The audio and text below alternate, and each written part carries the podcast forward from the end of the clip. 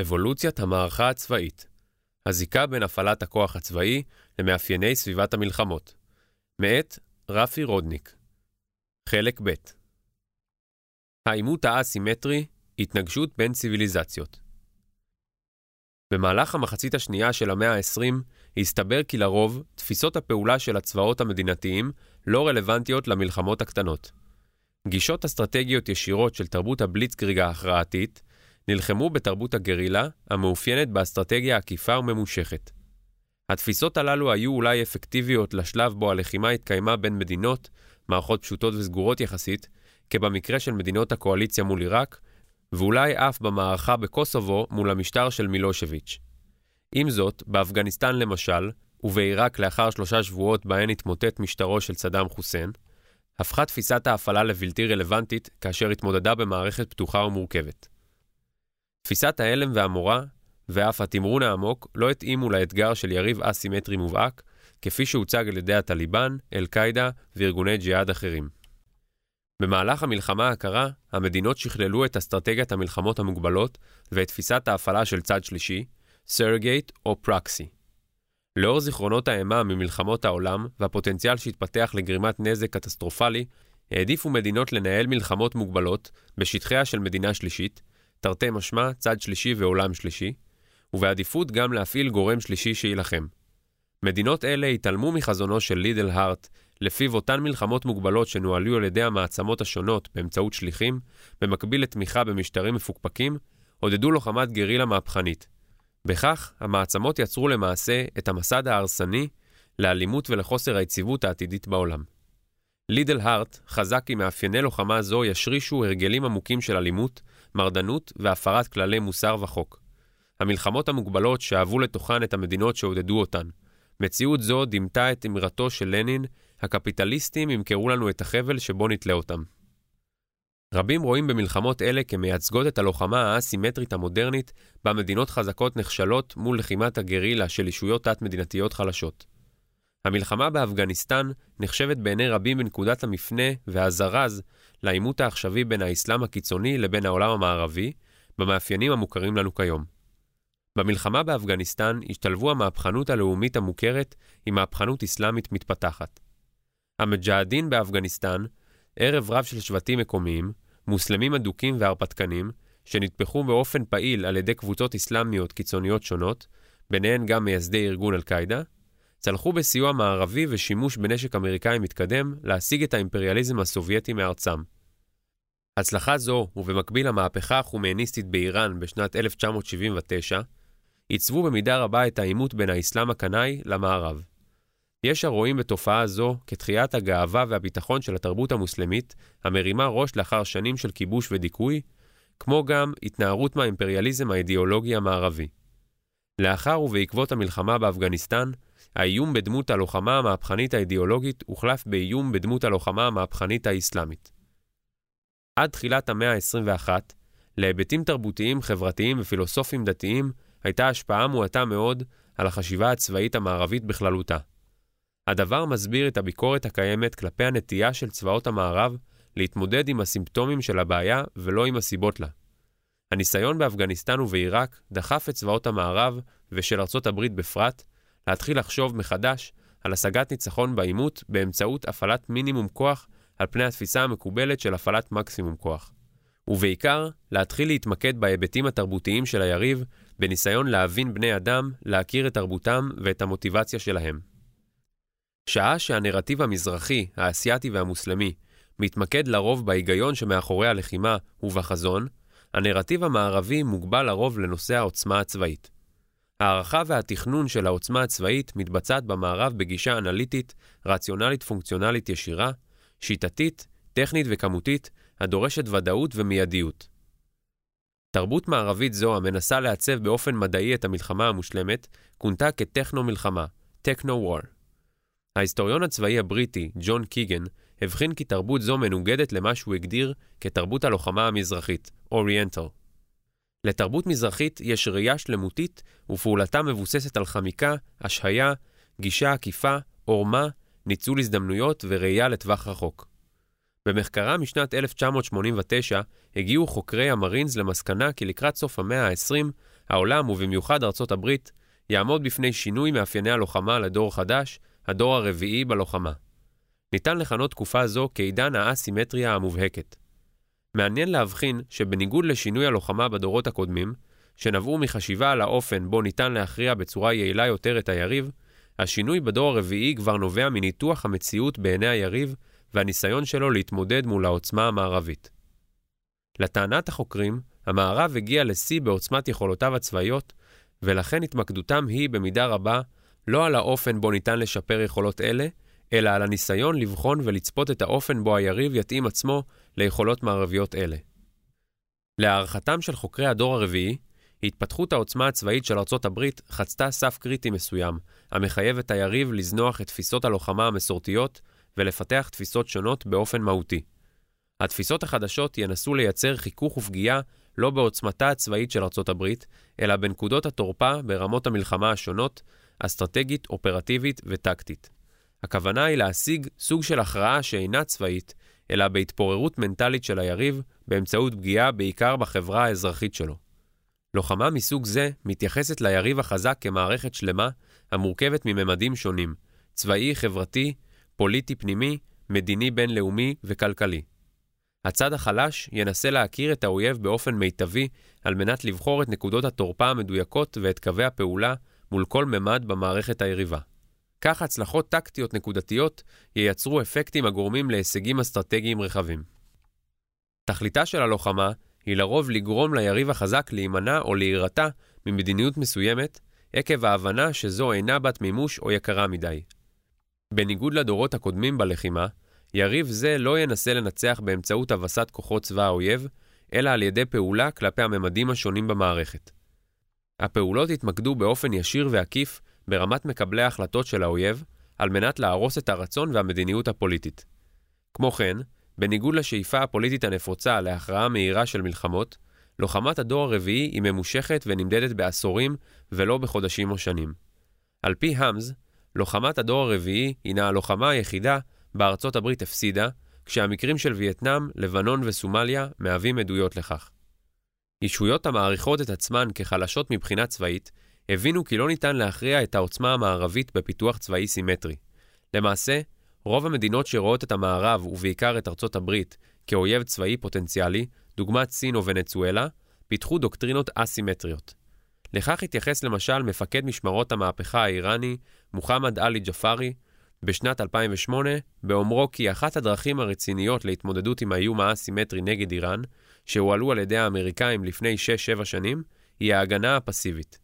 נראה כי מסקנה דומה הוסקה גם על ידי ארצות ערב לאחר כישלונן במלחמות הקונבנציונליות מול מדינת ישראל, ואל מול היתרון המובהק שלה בממד האווירי.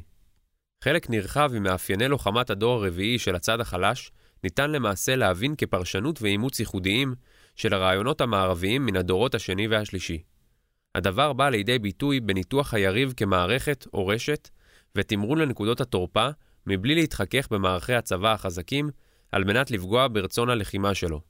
הכוונה היא תמרון להכרעה תודעתית.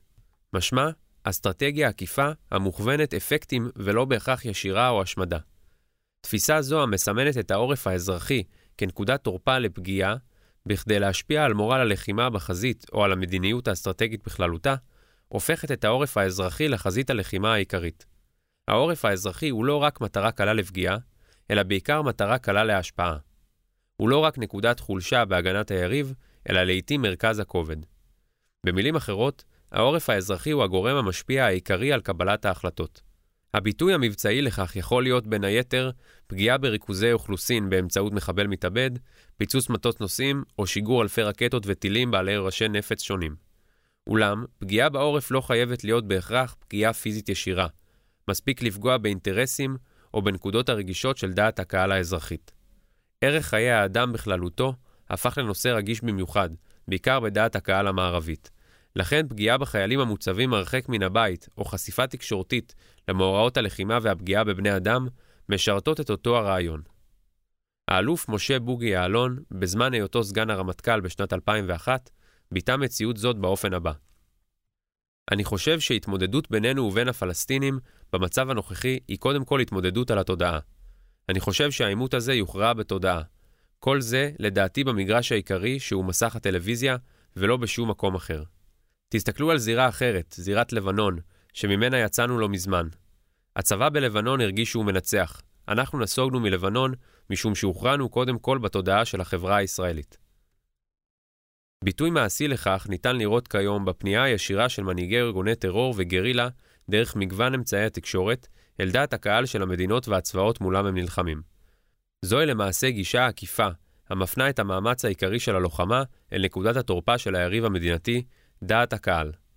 בעוד שמשטר מדינתי, בעיקר דמוקרטי, ניתן להכריע באמצעות דעת הקהל שלו ושל המדינות המשפיעות עליו, הדבר מורכב ומוגבל ביותר בהתייחס לישויות לא מדינתיות רבות.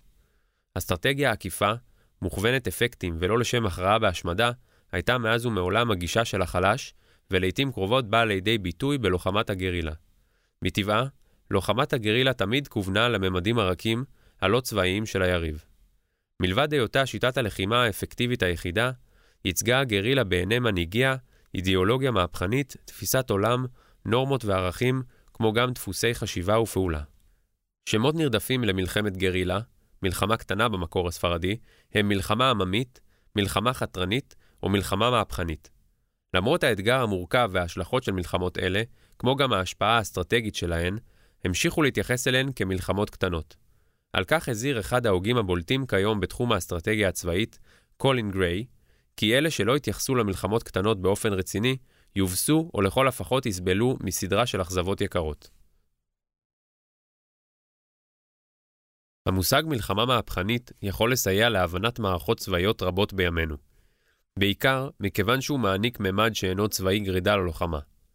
הגדרה פשוטה תתאר את הלוחמה המהפכנית כניסיון של תנועות אידיאולוגיות לרכוש עוצמה פוליטית על ידי שימוש בכוח מזוין. המלחמה המהפכנית כמושג מספקת רקע חברתי-פוליטי ללוחמת הגרילה המשלבת טרור. שני המושגים יחדיו מאפיינים בצורה הטובה ביותר את המלחמות האסימטריות. מלחמה מהפכנית מתרחשת בדרך כלל בתוך מדינות ולא בין מדינות.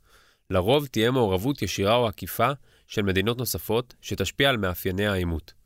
המהפכנות באה לידי ביטוי בשינוי רעיוני ופיזי, באידיאולוגיה רעיונית נחרצת וברצון לשנות סדרי משטר ומציאות קיימת. למאבק יש אופי רגשי וסוער. מהפכנות זו מתנגשת בהיגיון של אישויות מדינתיות ובינלאומיות, הממוקד בשמירת הסטטוס קוו, היציבות והסדר.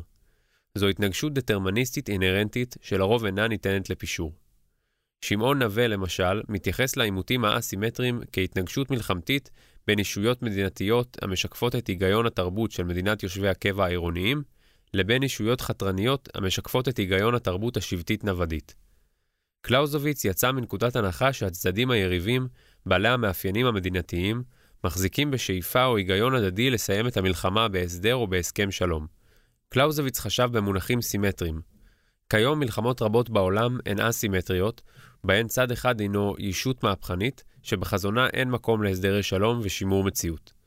לרעיון הניצחון במלחמה שתי דרישות קלאסיות. הראשונה היא מדינאות ריאלית עם יעדים ברורים. השנייה, מוכנות היריב המנוצח לקבל תכתיבים לאחר הקרבות. מימוש הדרישות הללו אינו שכיח בעימותים האסימטריים מול יריבים מהפכניים. לוחמה מהפכנית, כתפיסה שלמה, אינטלקטואלית ודוקטריאנית, התפתחה בעידן המודרני במקביל ללאומיות, לתיעוש ולאימפריאליזם. בעוד שבאירופה הופנתה ההתנגדות להקשרים הלאומי והתעשייתי, באסיה התפתחה ההתנגדות בהקשר האימפריאלי. המובילים ברוח מהפכנית זו היו אינטלקטואלים קיצוניים בפולין ובאיטליה, שדנו בדוקטרינת לוחמת הגרילה כגישה האפקטיבית ביותר להשגת רווחה כלכלית ושחרור ואיחוד לאומיים. אז, כמו היום, הספרות בתחום נעה בין ניתוח אידיאולוגי פוליטי לבין חוברות פעולה טכנו-טקטיות. הלוחמה המהפכנית במאה ה-21 מממשת, במידה רבה, את הרעיונות המהפכניים של המאה ה-19. היא החלה עם התקפת טרור שבוצעה על ידי ארגון מוסלמי פונדמנטליסטי מהפכני, וכוונה כנגד הסדר העולמי המערבי-מדינתי. סמלו היה מרכז הסחר העולמי בניו יורק, הפנטגון והבית הלבן. הצלחת התקיפה, כמו גם תגובתה של ארצות הברית, גרמו לעיצוב מחודש של התפיסות והמאפיינים של העימותים המזוינים כיום. כעשור לאחר מכן, אנו צופים בגל מהפכני אסלאמי נוסף ושונה, המוכוון כלפי הסדר המדינתי במדינות המוסלמיות. במציאות החדשה, רעיונות לאומיים מתנגשים ברעיונות דתיים. קרל מרקס הקדים להבחין ולהגדיר זאת כהענקת אופיום להמונים. לרוב מדובר באידיאולוגיה דתית טוטליטרית, אשר יש לה היגיון פעולה ותכונות המזוהים עם העולם הפרה-וסטפליאני וטרום עידן הנאורות. טוטליטריות מדינתית הייתה חילונית שדיברה במושגים מדינתיים, למשל דיפלומטיה ומשפט בינלאומי, והושפעה מגורמים ואילוצים דומים, כצורכי שלטון, סדר ציבורי ואחריות על אוכלוסייה. הישויות הלא מדינתיות הטוטליטריות כיום עושות שימוש בשפה אחרת, בכלים ומושגים לא מדינתיים. כך למשל הדבר בא לידי ביטוי בערוץ הטלוויזיה של חיזבאללה, פתח ציטוט. מי שהוא בעל כבוד, יש ביכולתו להפוך את השגרירות שלך לחורבה ולהחזיר אליך את הדיפלומטים שלך בארונות מתים. זו השפה היחידה שארצות הברית וישראל מבינות. סגור ציטוט. חסין מוסאווי, יושב ראש מועצת התכנון של ארגון חיזבאללה, הסביר זאת בשנת 2003 באומרו: אין אנו נלחמים על מנת שתציע לנו משהו. אנו נלחמים כדי להשמיד אתכם. על חוסר היכולת להתמודד עם ארגון אל-קאעידה על בסיס ההיגיון המערבי של פתרון סכסוכים, ניתן ללמוד ממדריך ההכשרה של הארגון אשר נמצא בדירת מסתור באנגליה. שם נכתב כך: העימות אליו אנו קוראים עם השלטונות הכופרים אינו מכיר דיאלוגים סוקרטיים, אידיאלים אפלטונים או דיפלומטיה אריסטוטלית. הוא מכיר רק את דיאלוג הקליעים, האידיאלים של ההתנגשויות, ההפצצות וההרס, ואת הדיפלומטיה של התותח והמקלע. משטרים אסלאמיים לעולם לא ומעולם לא נוסדו באמצעות פתרונות שלום ומועצות שיתופיות. הם מבוססים, כפי שתמיד היה, על עט ורובה, מילה וקליע, לשון ושיניים. אישויות מוסלמיות אלה מאוימות על ידי החברה המערבית הזרה והמוזרה, המעמידה את האינדיבידואליות והפלורליזם במרכז הווייתה. זהו גורם מרכזי בהתנגשות התרבותית בין החברות הללו. ההתמודדות מול איום הטוטליטריות הלא מדינתית מורכב יותר מההתמודדות מול האיום המדינתי בעידן המלחמה הקרה. כפי שהסביר זאת הפילוסוף היהודי-צרפתי ז'אק דרידה, גרוע יותר מהמלחמה הקרה, אין עוד אפשרות למאזן האימה, כי אין עוד מאבק דואלי בין שתי מעצמות שמנטרלות זו את כוחה של זו.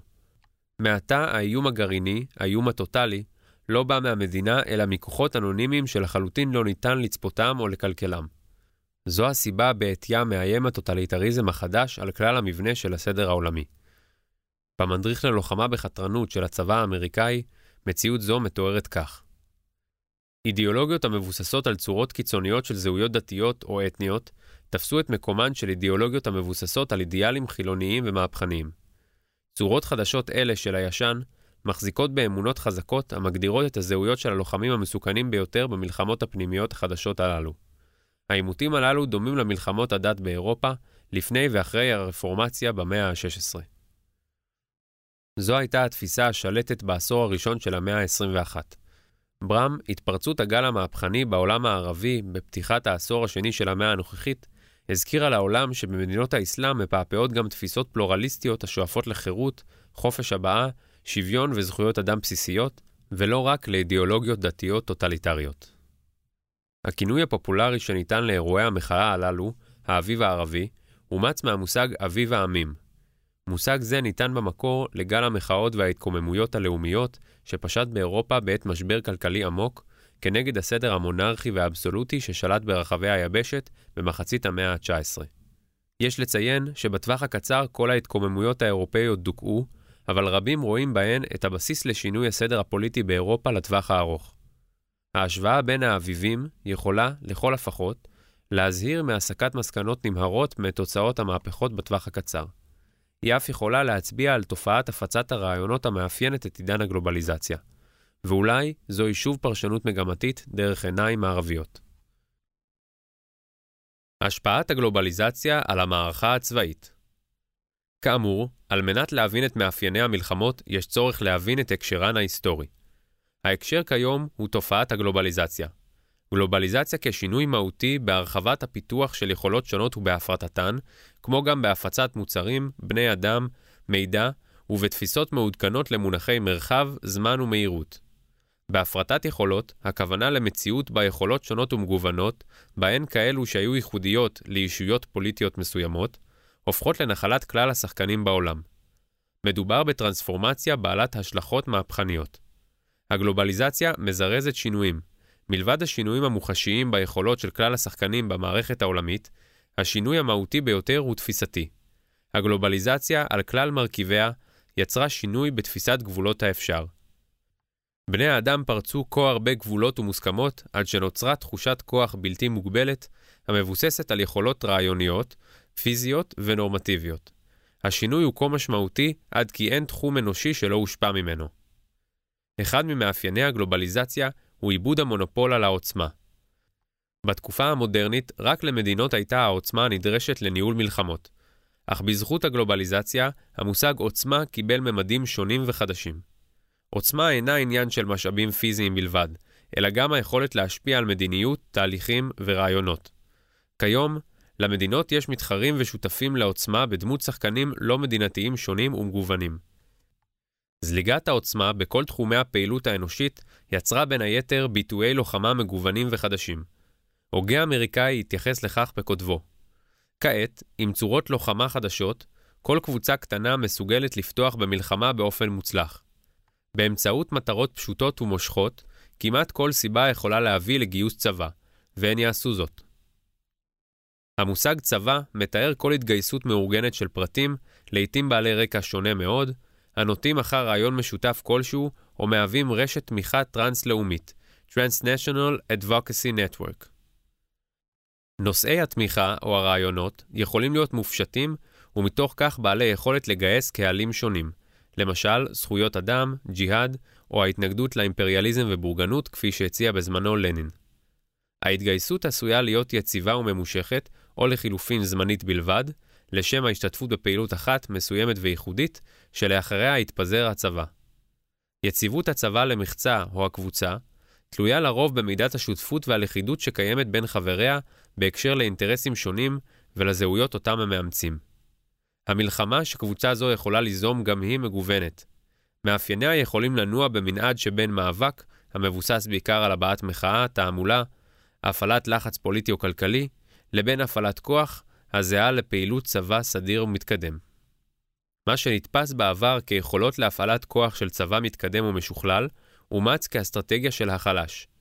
זוהי ההכלאה הנוצרת בתהליך אבולוציוני טבעי של פיתוח ואימוץ תכונות חזקות מהסביבה על מנת לחפות על חסרונות קיימים. הגרילה תורמת את האידיאולוגיה ואת הטקטיקה החמקנית, הטרור תורם את יצירת האפקט על התודעה הציבורית, והתפיסות הצבאיות והאמצעים המודרניים תורמים את העוצמה, שנוצרת ללא צורך בעוצבות קרקעיות גדולות.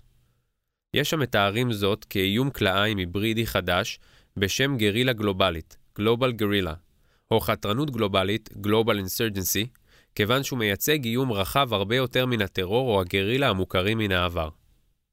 יש אף שמזהים מגמה זאת עם היווצרות הדור החמישי בלוחמה, כאשר הכוונה היא ללחימה הבלתי מוגבלת והבלתי מרוסנת, בכלל הממדים ובכל האמצעים, של קואליציית אישויות חתרניות והמתנגדות לישות מדינתית מסוימת, או המדינות המודרניות המערביות. אחד המאפיינים המרכזיים של העידן הנוכחי הוא הקושי לתאר את המציאות על כלל מאפייניה והתופעות החדשות והסותרות הנצפות בה, בשפה המוגבלת הקיימת. מצב זה הביא לפיתוח מועט של מושגי גלובליזציה חדשים. התאורטיקן האמריקאי ג'יימס רוזנאו עושה שימוש למשל במושג פרגמגרציה לתיאור המערכת הפוליטית העולמית המורכבת ומסתגלת, Complex Adaptive System, אשר מאופיינת בו זמנית בתהליכי אינטגרציה ופרגמנטציה, שילוב ופירוק. בתחום הצבאי, טשטוש ההבחנות בין הגיונות ושיטות הלוחמה, כמו גם בין גבולות וממדי הלוחמה, הוביל גם כן להסתייעות במושגי כלאיים לשם הגדרתם. למשל שימוש במושג הטרורילה, המייצג את השילוב של טרור עם גרילה, ובמושג גלוקלי, המשמש לתיאור תופעה שהיא בו זמנית גלובלית ולוקלית מקומית. תופעת הכפר הגלובלי מייצגת גם אסימטריה תפיסתית שהמערב נוטה לעיתים להתעלם ממנה.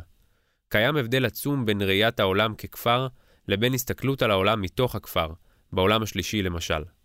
כך למשל, שעה שבראייה מערבית הגלובליזציה מייצגת את תרבות השלום והאחווה, בראייתן של אישויות המתנגדות לתרבות המערב המסורתית, הגלובליזציה מייצגת את תרבות המלחמה. תחושות הגלובליות, הקרבה, ההזדהות והתלות הן שונות בתכלית. מציאות זו מומחשת על ידי הדוגמה של אדם מוסלמי, שנולד בממלכה מדברית וחי במערה באפגניסטן, מבין את רעיון הגלובליזציה ומשכיל להשתמש באפשרויות שהיא מספקת למען מטרתו, אולי טוב יותר מן האמריקאי המתקדם שצופה בהפתעה בפגיעה של מטוס נוסעים בגורד שחקים במנהטן. בני אדם שונים מבינים ומנצלים את הגלובליזציה באופנים שונים. אחד המושגים השכיחים ביותר בעידן הגלובליזציה הוא רשת, המתאר לחלופין מבנה רשתי, נט, ומערכת תקשורת רשת, Network. העוצמה וההשפעה במערכות רשתיות מפוזרות באופן רב-ממדי ורב-כיווני בידי שחקנים מגוונים המחזיקים ביכולות ומשאבים שונים, למשל ידע. קשה מאוד לזהות במערכת זו מרכזי כובד, להבחין בין יזמים למגיבים, או להגדיר היגיון פעולה סדור וברור. עם זאת, ברור כי קיימים קשרים, יחסי גומלין והשפעה בין המרכיבים השונים של המערכת הרשתית. מערכת רשתית מחברת ויוצרת זיקות באופן פיזי ומטאפיזי בין כלל המרכיבים השונים של המערכת. לעתים, מציאות זו מתוארת כבעיה זדונית, wicked problem. מונח זה שמקורו במדעי החברה, בתחום תיאוריות לתכנון מדיניות ציבורית, מתאר בעיות אשר בשל מורכבותן הינן כמעט בלתי ניתנות לפתרון מתוכנן מראש. מורכבותן של בעיות אלה נובעת מסיבות שונות, בין היתר עקב היעדר היכולת להגדירן או לפתורן באופן מוחלט ואובייקטיבי, הצורך בשינוי ההיגיון התפיסתי של הצופה, שינוי קבוע במשתנים סותרים ומשפיעים, או בשל יחסי הגומלין בין המשתנים. רעיון הרשתות הפוליטיות, הכלכליות, החברתיות והתקשורתיות התפשט באופן טבעי גם לתחום הלוחמה. אחת התובנות המעניינות בתפיסת העולם כמערכת רשתית של תלות הדדית, קשרים ואילוצים, מסבירה את המציאות של אסטרטגיה וניצחונות מוגבלים במלחמות המודרניות, בעיקר במאה ה-20. במלחמות העבר, המלחמה התנהלה לעיתים קרובות כמערכת סגורה בין שני יריבים. במצב זה, המנצח יכול היה לעשות כחפצו, אפשרויות הפקת תועלת מן המלחמה היו גדולות.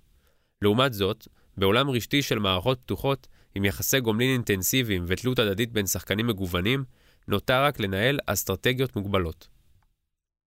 המציאות הרשתית השפיעה רבות על מאפייני המלחמות. שדה הקרב החדש כבר לא מוגדר על פי ממדיו, יבשה, אוויר וים, אלא כרשת גלובלית חוצת ממדים וטרנס-לאומית. שדה הקרב הוא כמובן משותף לכולם, אולם הדעה הרווחת היא כי בהשוואה לשדות הקרב המסורתיים, המבנה הרשתי מעניק לישויות שאינן מדינתיות גמישות רבה לפעולה, מבחינת הקטלניות, נגישות, משאבים, מטרות, מרחבי וטווחי פעולה.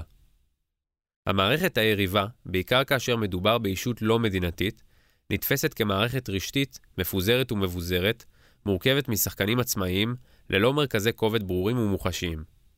מערכת זו פועלת במרחבים ובמאפיינים מגוונים וגמישים, למשל במרחבים פיזיים של לחימה, קונבנציונלית, גרילה, טרור, במרחבים קהילתיים וציבוריים, דתיים, אידיאולוגיים ופוליטיים, במרחבים הקיברנטי, הפלילי, התקשורתי והכלכלי, בשיתוף מדינות, ארגונים, קהילות ופרטים שונים ברחבי העולם. לכאורה, מול מערכת רשתית מבוזרת זו, פועלת מערכת רשתית סדורה, ביטחונית-מדינית, המאופיינת בעיקר בטכנולוגיית רשת מתקדמת המאפשרת להשיג, לעבד ולשתף מידע במהירות רבה. במערכת זו התפתח מושג נוסף, קישוריות, Connectivity, המבטא את הצורך והיכולת לחבר ולשתף במידע את כלל מרכיבי הרשת, אמצעים ואנשים, כדי שיפעלו במהירות מבחינת זמן ומרחב, בדיוק ובאפקטיביות מול המערכת היריבה. הרשת החליפה את המערכת הממוקדת מסה של שתי מלחמות העולם. עם התפתחות הכוח הצבאי של ארצות הברית, ננטשו בהדרגה תפיסות ההפעלה הישנות, כמו גם מסה עוצמתית לטובת מסה של אפקטים. במקום לוחמת התשה ממוקדת מאוד, היא מעדיפה כיום לוחמה מושתתת רשת. עידן הרשתיות בתחום הצבאי מממש את החזון של הוגים צבאיים רבים, בעיקר לאחר מלחמת העולם הראשונה, לפתח מכונות וטכנולוגיה צבאית כתחליף להקרבת חיילים. ברם, לרשתות המחברות בין מכונות לבני אדם למערכת אחת, יש באופן טבעי השלכות רבות. כדאי לציין ארבע מן ההשלכות האפשריות, אשר גם משפיעות על האסטרטגיה המודרנית. הראשונה, חיבור כלל מרכיבי המערכת לרשת יוצר בהכרח גם תורפה עקב התלות וההשפעה ההדדית בין המרכיבים, במצב זה כשל או גרימת נזק לאחד המרכיבים צפוי להשפיע על המערכת כולה. השנייה, התיווך של טכנולוגיה בין בני אדם למציאות הלחימה עשוי להרחיק את בני האדם מתחושת המציאות בשדה הקרב והבנתה, למשל דה-הומניזציה. בנוסף לכך, התרחקות מחיכוך אנושי פיזי ישיר עם שדה הקרב ושימוש בטכנולוגיה מתקדמת נגד רשתות מעודדת מאפייני פעולה של אסטרטגיה עקיפה בניסיון ליצירת אפקטים משפיעים, בדומה ללוחמת גרילה וטרור. ולבסוף, שילוב הרשתיות עם הטכנולוגיה המתקדמת מעניק חשיבות ומשקל יתר למנגנון ולתהליכי קבלת החלטות בירוקרטיים, כמו גם לחשיבה מכנית, אנליטית ורציונלית, על חשבון חשיבה אינדיבידואלית, רגשית, מעמיקה ויצירתית, כמו באמנות. יש לשים לב כי ההתייחסות למלחמה כמלחמת רשתות, net war, ולא כעימות בין בני אדם או קהילות, מסתכנת בעיוות תפיסתי היוצר אשליה של עימות מכני-טכנולוגי, ומתעלם מהמורכבות הנוצרת מהמאפיינים האנושיים שלו. זה המקום להזכיר את האזהרה של המרשל ג'וקוב, מפקד הצבא הסובייטי במלחמת העולם השנייה, בסיום ספר הזיכרונות שלו.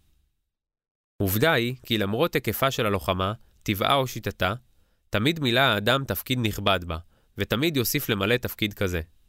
כלי הנשק המתוחכמים והמשוכללים ביותר, לרבות האמצעים של השמדה המונית, אינם יכולים להפחית כהוא זה מחשיבות תפקידם. סיכום התפתחות האתגר והמענה האתגר השינויים מרחיקי הלכת בהתפתחות אמצעי הלחימה בעולם מאז מלחמת העולם השנייה, הנגישות לאמצעים מתקדמים אלה, לצד מאפייני הגלובליזציה בעולם המערבי והתעוררות רעיונות ההתחדשות העצמאית באסלאם, הביאו למציאות או סדר עולמי חדש. סדר עולמי או אי סדר זה, מאתגר את התפיסות ואופן החשיבה הביטחוני-פוליטי של מדינות המערב, שפותחו אל מול מציאות שונה. המציאות מעידה כי קיים דמיון בין היריב הלא מדינתי לבין זה המדינתי, בעוצמה האפקטיבית וביכולת לגרום נזק. מאפייני הסביבה הטכנולוגיים והפוליטיים יצרו במידה רבה מציאות סימטרית מבחינת היגיון הפעלת הכוח בין יריבים אלה. הסביבה החברתית-תרבותית, לעומת זאת, שימרה ואף הגבירה את האסימטריה התפיסתית ביניהם. במציאות הקיימת נוצרה אסימטריה מובהקת והפוכה, המועצמת באמצעות דרכי פעולה מגוונות של מערכת יריבה לא מדינתית ומהפכנית, המשלבת פעולות לגיטימיות של התנגדות פוליטית וציבורית לא אלימה, עם מאבק אלים בעצימות משתנה. האשליה כי ההתקדמות הטכנולוגית הביאה במידה רבה ליכולת לנהל מלחמות נקיות, באמצעות פעילות מלחמתית נקיית כפיים, מבלי להתלכלך, וללא השארת ערש סביבתי רב, היא מערבית בעיקרה ואופיינית למחצית השנייה של המאה ה-20. חוסר הסימטריה בין המדינות המפותחות, בעיקר הדמוקרטיות, לבין שאר העולם, יצר פרדוקס בסדר העולמי הקיים. מחד גיסא, הרגשת עליונות ערכית וצבאית דחפה לפיתוח תפיסות של מתינות ומגבלות רבות על השימוש בכוח מצידן של אותן המדינות. מאידך גיסא, איום אסימטרי זה מצד המדינות המפותחות דחף את יריביהן לפתח דרכי פעולה להתמודד עמו. כך, היתרון האסימטרי של מדינות דמוקרטיות תקף במידה רבה לשדה קרב לא רלוונטי, בעוד שהיריב הלא מדינתי מעצים את היתרון האסימטרי שלו, כיוון שלרוב הוא שבוחר את הזירה והתזמון של העימות, והוא נלחם מול יריב בעל עוצמה ותפיסות לא רלוונטיות. הלוחמה האסימטרית נמצאת היום בשלב ביניים. טכנולוגית, המדינות המתקדמות עדיין לא פיתחו את האמצעים האופטימליים להתמודדות עם היריב האסימטרי. הידע הטכנולוגי-מדעי כבר קיים, אולם עדיין לא גובשו תפיסות בהירות ומקובלות להפעלה ולהתאמת הטכנולוגיה למענה הרלוונטי והלגיטימי. הלוחמה המודרנית מתפתחת לכיוון אמצעי לחימה בלתי מאוישים, רובוטיזציה ומערכות זיהוי, איכון ושליטה בכל המתרחש בשדה הקרב. אמצעים אלה אמורים לסייע בהתמודדות האסטרטגית והמבצעית בשדה הקרב הנוכחי, על ידי שכלול ובעיקר שילוב בין פלטפורמות של איסוף המידע ופלטפורמות לפגיעה מדויקת. זאת, במינימום נזק אגבי וצמצום הפגיעה בכוחותיך. אולם קיים חשש כי שוב מתפתחת אשליה, מקסם שווא, לגבי יכולת השפעת טכנולוגיות אלה על מהלך המלחמה. בנוסף לכך, הידע והיכולות הללו לא נשארות בחזקת המדינות הדמוקרטיות. זליגת טכנולוגיות מתקדמות לידי אישויות אסימטריות לא מדינתיות תייצר איום חדש, מקורי ומפתיע. הטכנולוגיה הינה אמצעי חשוב מאוד בלוחמה האסימטרית, כיוון שביכולתה להקשות באופן ניכר על פעילות יריב הנחות מבחינה טכנולוגית. החדשות הטובות הן כי קיימת סבירות גבוהה שבקרוב תגיע הטכנולוגיה הצבאית לשיא נוסף, מבחינת יכולתה להתמודד מול הגרילה המתקדמת של היריב האסימטרי, בעיקר בתחום האיסוף המדויק. החדשות הרעות הן כי הדבר רק יביא לדחיקת היריב האסימטרי לפיתוח דרכי התמודדות חדשות ולזירות לחימה אחרות. למשל, שילוב בין שיגור רקטות וכלים בלתי מאוישים, ארוכי טווח ומתקדמים, לבין טרור עירוני, כולל שימוש בנשק בלתי קונבנציונלי. ריצ'רד סימפקין התריע בשנות ה-80 של המאה ה-20 כי ההתפתחויות הצבאיות מחייבות את הממשלות להשליך מאחורי גוון את תפיסותיהן הנוקשות על מלחמה ושלום, וכי עליהן למצוא דרך לדכא את פעולותיהם האלימות של אויביהן בעזרת כוח מזוין, ללא בזבוז של זמן ומשאבים, ובעיקר ללא הקזת דם מיותרת. אסטרטגיות מסורתיות של הכרעה והתשה, או דוקטרינות של מגננה ומתקפה שפותחו בעבר, אינן רלוונטיות וכמעט בלתי ניתנות לביצוע כיום, משום שהן דורשות מטרות ברורות וישימות והשקעה של משאבים עצומים. למעשה, כל אסטרטגיה המבוססת על הפעלת עוצמה צבאית רבה וממושכת, צורכת משאבים ששום מדינה או קואליציה אינן מסוגלות או מוכנות להשקיע. היישום המסורתי של רעיון ההרתעה מתקשה אף הוא להעניק הישגים בעימותים האסימטריים של ימינו. וכפי שסימפקין ציין, גם שיטות השיטור המסורתיות של הדמוקרטיות הליברליות אינן הדרך להתמודד עם יריב המשתמש בשיטות של מלחמה מהפכנית. המענה כדי להתמודד עם העימותים בני זמננו, יש צורך לפתח אסטרטגיה ביטחונית עדכנית של אכיפה, enforcement, ושריקה, attrition. אדוארד לוטבק הציע רעיון דומה בשם שכנוע חמוש, armed suasion. מטרתה העיקרית של אסטרטגיה זו היא להניע את היריב מפעולותיו, והתאמת הפעלת הכוח הנדרש במקומות הנכונים לשם כך. זו מדיניות מגננתית המתבטאת בהתשה אסטרטגית ושחיקה אופרטיבית. ההיגיון המסדר הוא הגנתי, אך הוא מלווה ביוזמות התקפיות לשחיקת היריב על פי הצורך. הרעיון של אסטרטגיה זו הוא צמצום החיכוך הישיר והממושך בין הממד הצבאי לבין הממד האזרחי, משמע הימנעות מכיבוש מסורתי של שטח, והגברת החיכוך האזרחי-תרבותי, משמע המפגש האישי והרעיוני. פיתוח תפיסות פעולה של שלטנות רב-ממדית בחתימה נמוכה ויכולת להפעלת כוח מדודה ומדויקת, כשהאיפוק מהווה מרכיב מרכזי באופן ההתנהלות. זו לא אסטרטגיה של הכרעה או כפיית מדיניות, אלא אסטרטגיה מתמשכת של סיכול איומים ממוקד ואכיפה זמנית של שקט, במקביל ליצירת סביבה ותנאים שלאורך זמן יולידו מציאות טובה יותר. זו מערכה שצריכה להיות מותאמת לאילוצים, ליכולות והמשאבים של המדינות הליברליות המתקדמות, בעלות האסטרטגיות המוגבלות. עם זאת, הגלובליזציה גם מקשה על ניהול מלחמות מדודות ונשלטות לאורך זמן. גם הטכנולוגיה, כמו דעת קהל הבוחרים, מוגבלת ביכולתה לאפשר את הדיוק והאיפוק. על כן, מדינות צריכות להיות מוכנות להפעיל את מלוא משאביהן, גם אם לא את כל עוצמתן, בלחימתן מול האויב האסימטרי הלא מדינתי. האויב האסימטרי, מצידו, מדי יום מיישם ומפתח את סמליל מסע הבחירות של הנשיא האמריקאי ברק אובמה מ-2008, Yes We Can. תחושה זו של יכולת מעצימה את המאפיין המהפכני של הישויות הלא מדינתיות הפועלות במערכת הבינלאומית. אזהרה מפני השילוב ההרסני של גלובליזציה עם מהפכנות הציג סטנלי הופמן כבר בתחילת שנות ה-80 של המאה ה-20, באומרו כי עולמנו, במאפייניו כיום, הוא שברירי מדי לטקטיקת ההלם של המהפכנים. למעשה, את דברי הופמן ניתן להבין כאזהרה מפעולה במאפיינים אסימטריים של מדינות וישויות לא מדינתיות גם יחד. הופמן מדגיש נקודה מאוד חשובה, בציינו כי הסכנה לעולם איננה רק מהפעולה הפרובוקטיבית של הטרור, אלא גם מהתגובה הפוטנציאלית לאותה פעולה. חקר הלחימה המהפכנית מצביע על מאפיין חוזר ונשנה. תכלית הפעולות של הישויות החתרניות היא הדה-לגיטימציה של המשטר נגדו הן נלחמות. הן זוכות להישגים כאשר הן גורמות לאותו משטר לנקוט בעוצמה מופרזת, המדגישה את יחסי הכוחות הלא שווים. הצד הנתפס כחלש לרוב זוכה באהדה, בעוד פעילות הצד המדינתי נתפסת כלא חוקית, והוא זה שנושא במרב המחיר על הנזק הנלווה לפעולה, למשל פגיעה בחיי אדם ובכלכלה. נרטיב הניצחון של הישויות הלא מדינתיות יהיה לרוב שווה לעוצמת המתקפה המוחשית אותה הן שרדו. מתקפה גלויה ניתן לצלם, לתעד ולעורר דרך זה את דעת הקהל. אולם ישויות אלה מתקשות להתמודד מול מערכה חשאית ומתמשכת. קשה מאוד להציג הישגים בהתמודדות מול מתקפה חשאית, אלימה, תעמולתית, דיפלומטית או כלכלית. עצם המאבק הגלוי הוא לעיתים המהות של ישויות מהפכניות שונות. אולם לישות המדינתית, הפעולה הצבאית אינה תכלית בפני עצמה, אלא אמצעי להשגת יעדים מדיניים שונים. על המדינה להגדיר את יעדיה, כמו גם את אופן השגתם, על פי ההקשרים המשתנים. נשמע טריוויאלי, אך מיושם לעיתים רחוקות. בהתאם לכך, יש גם לקבוע את ההישגים הנדרשים, המידה והאופי של הפעלת הכוח.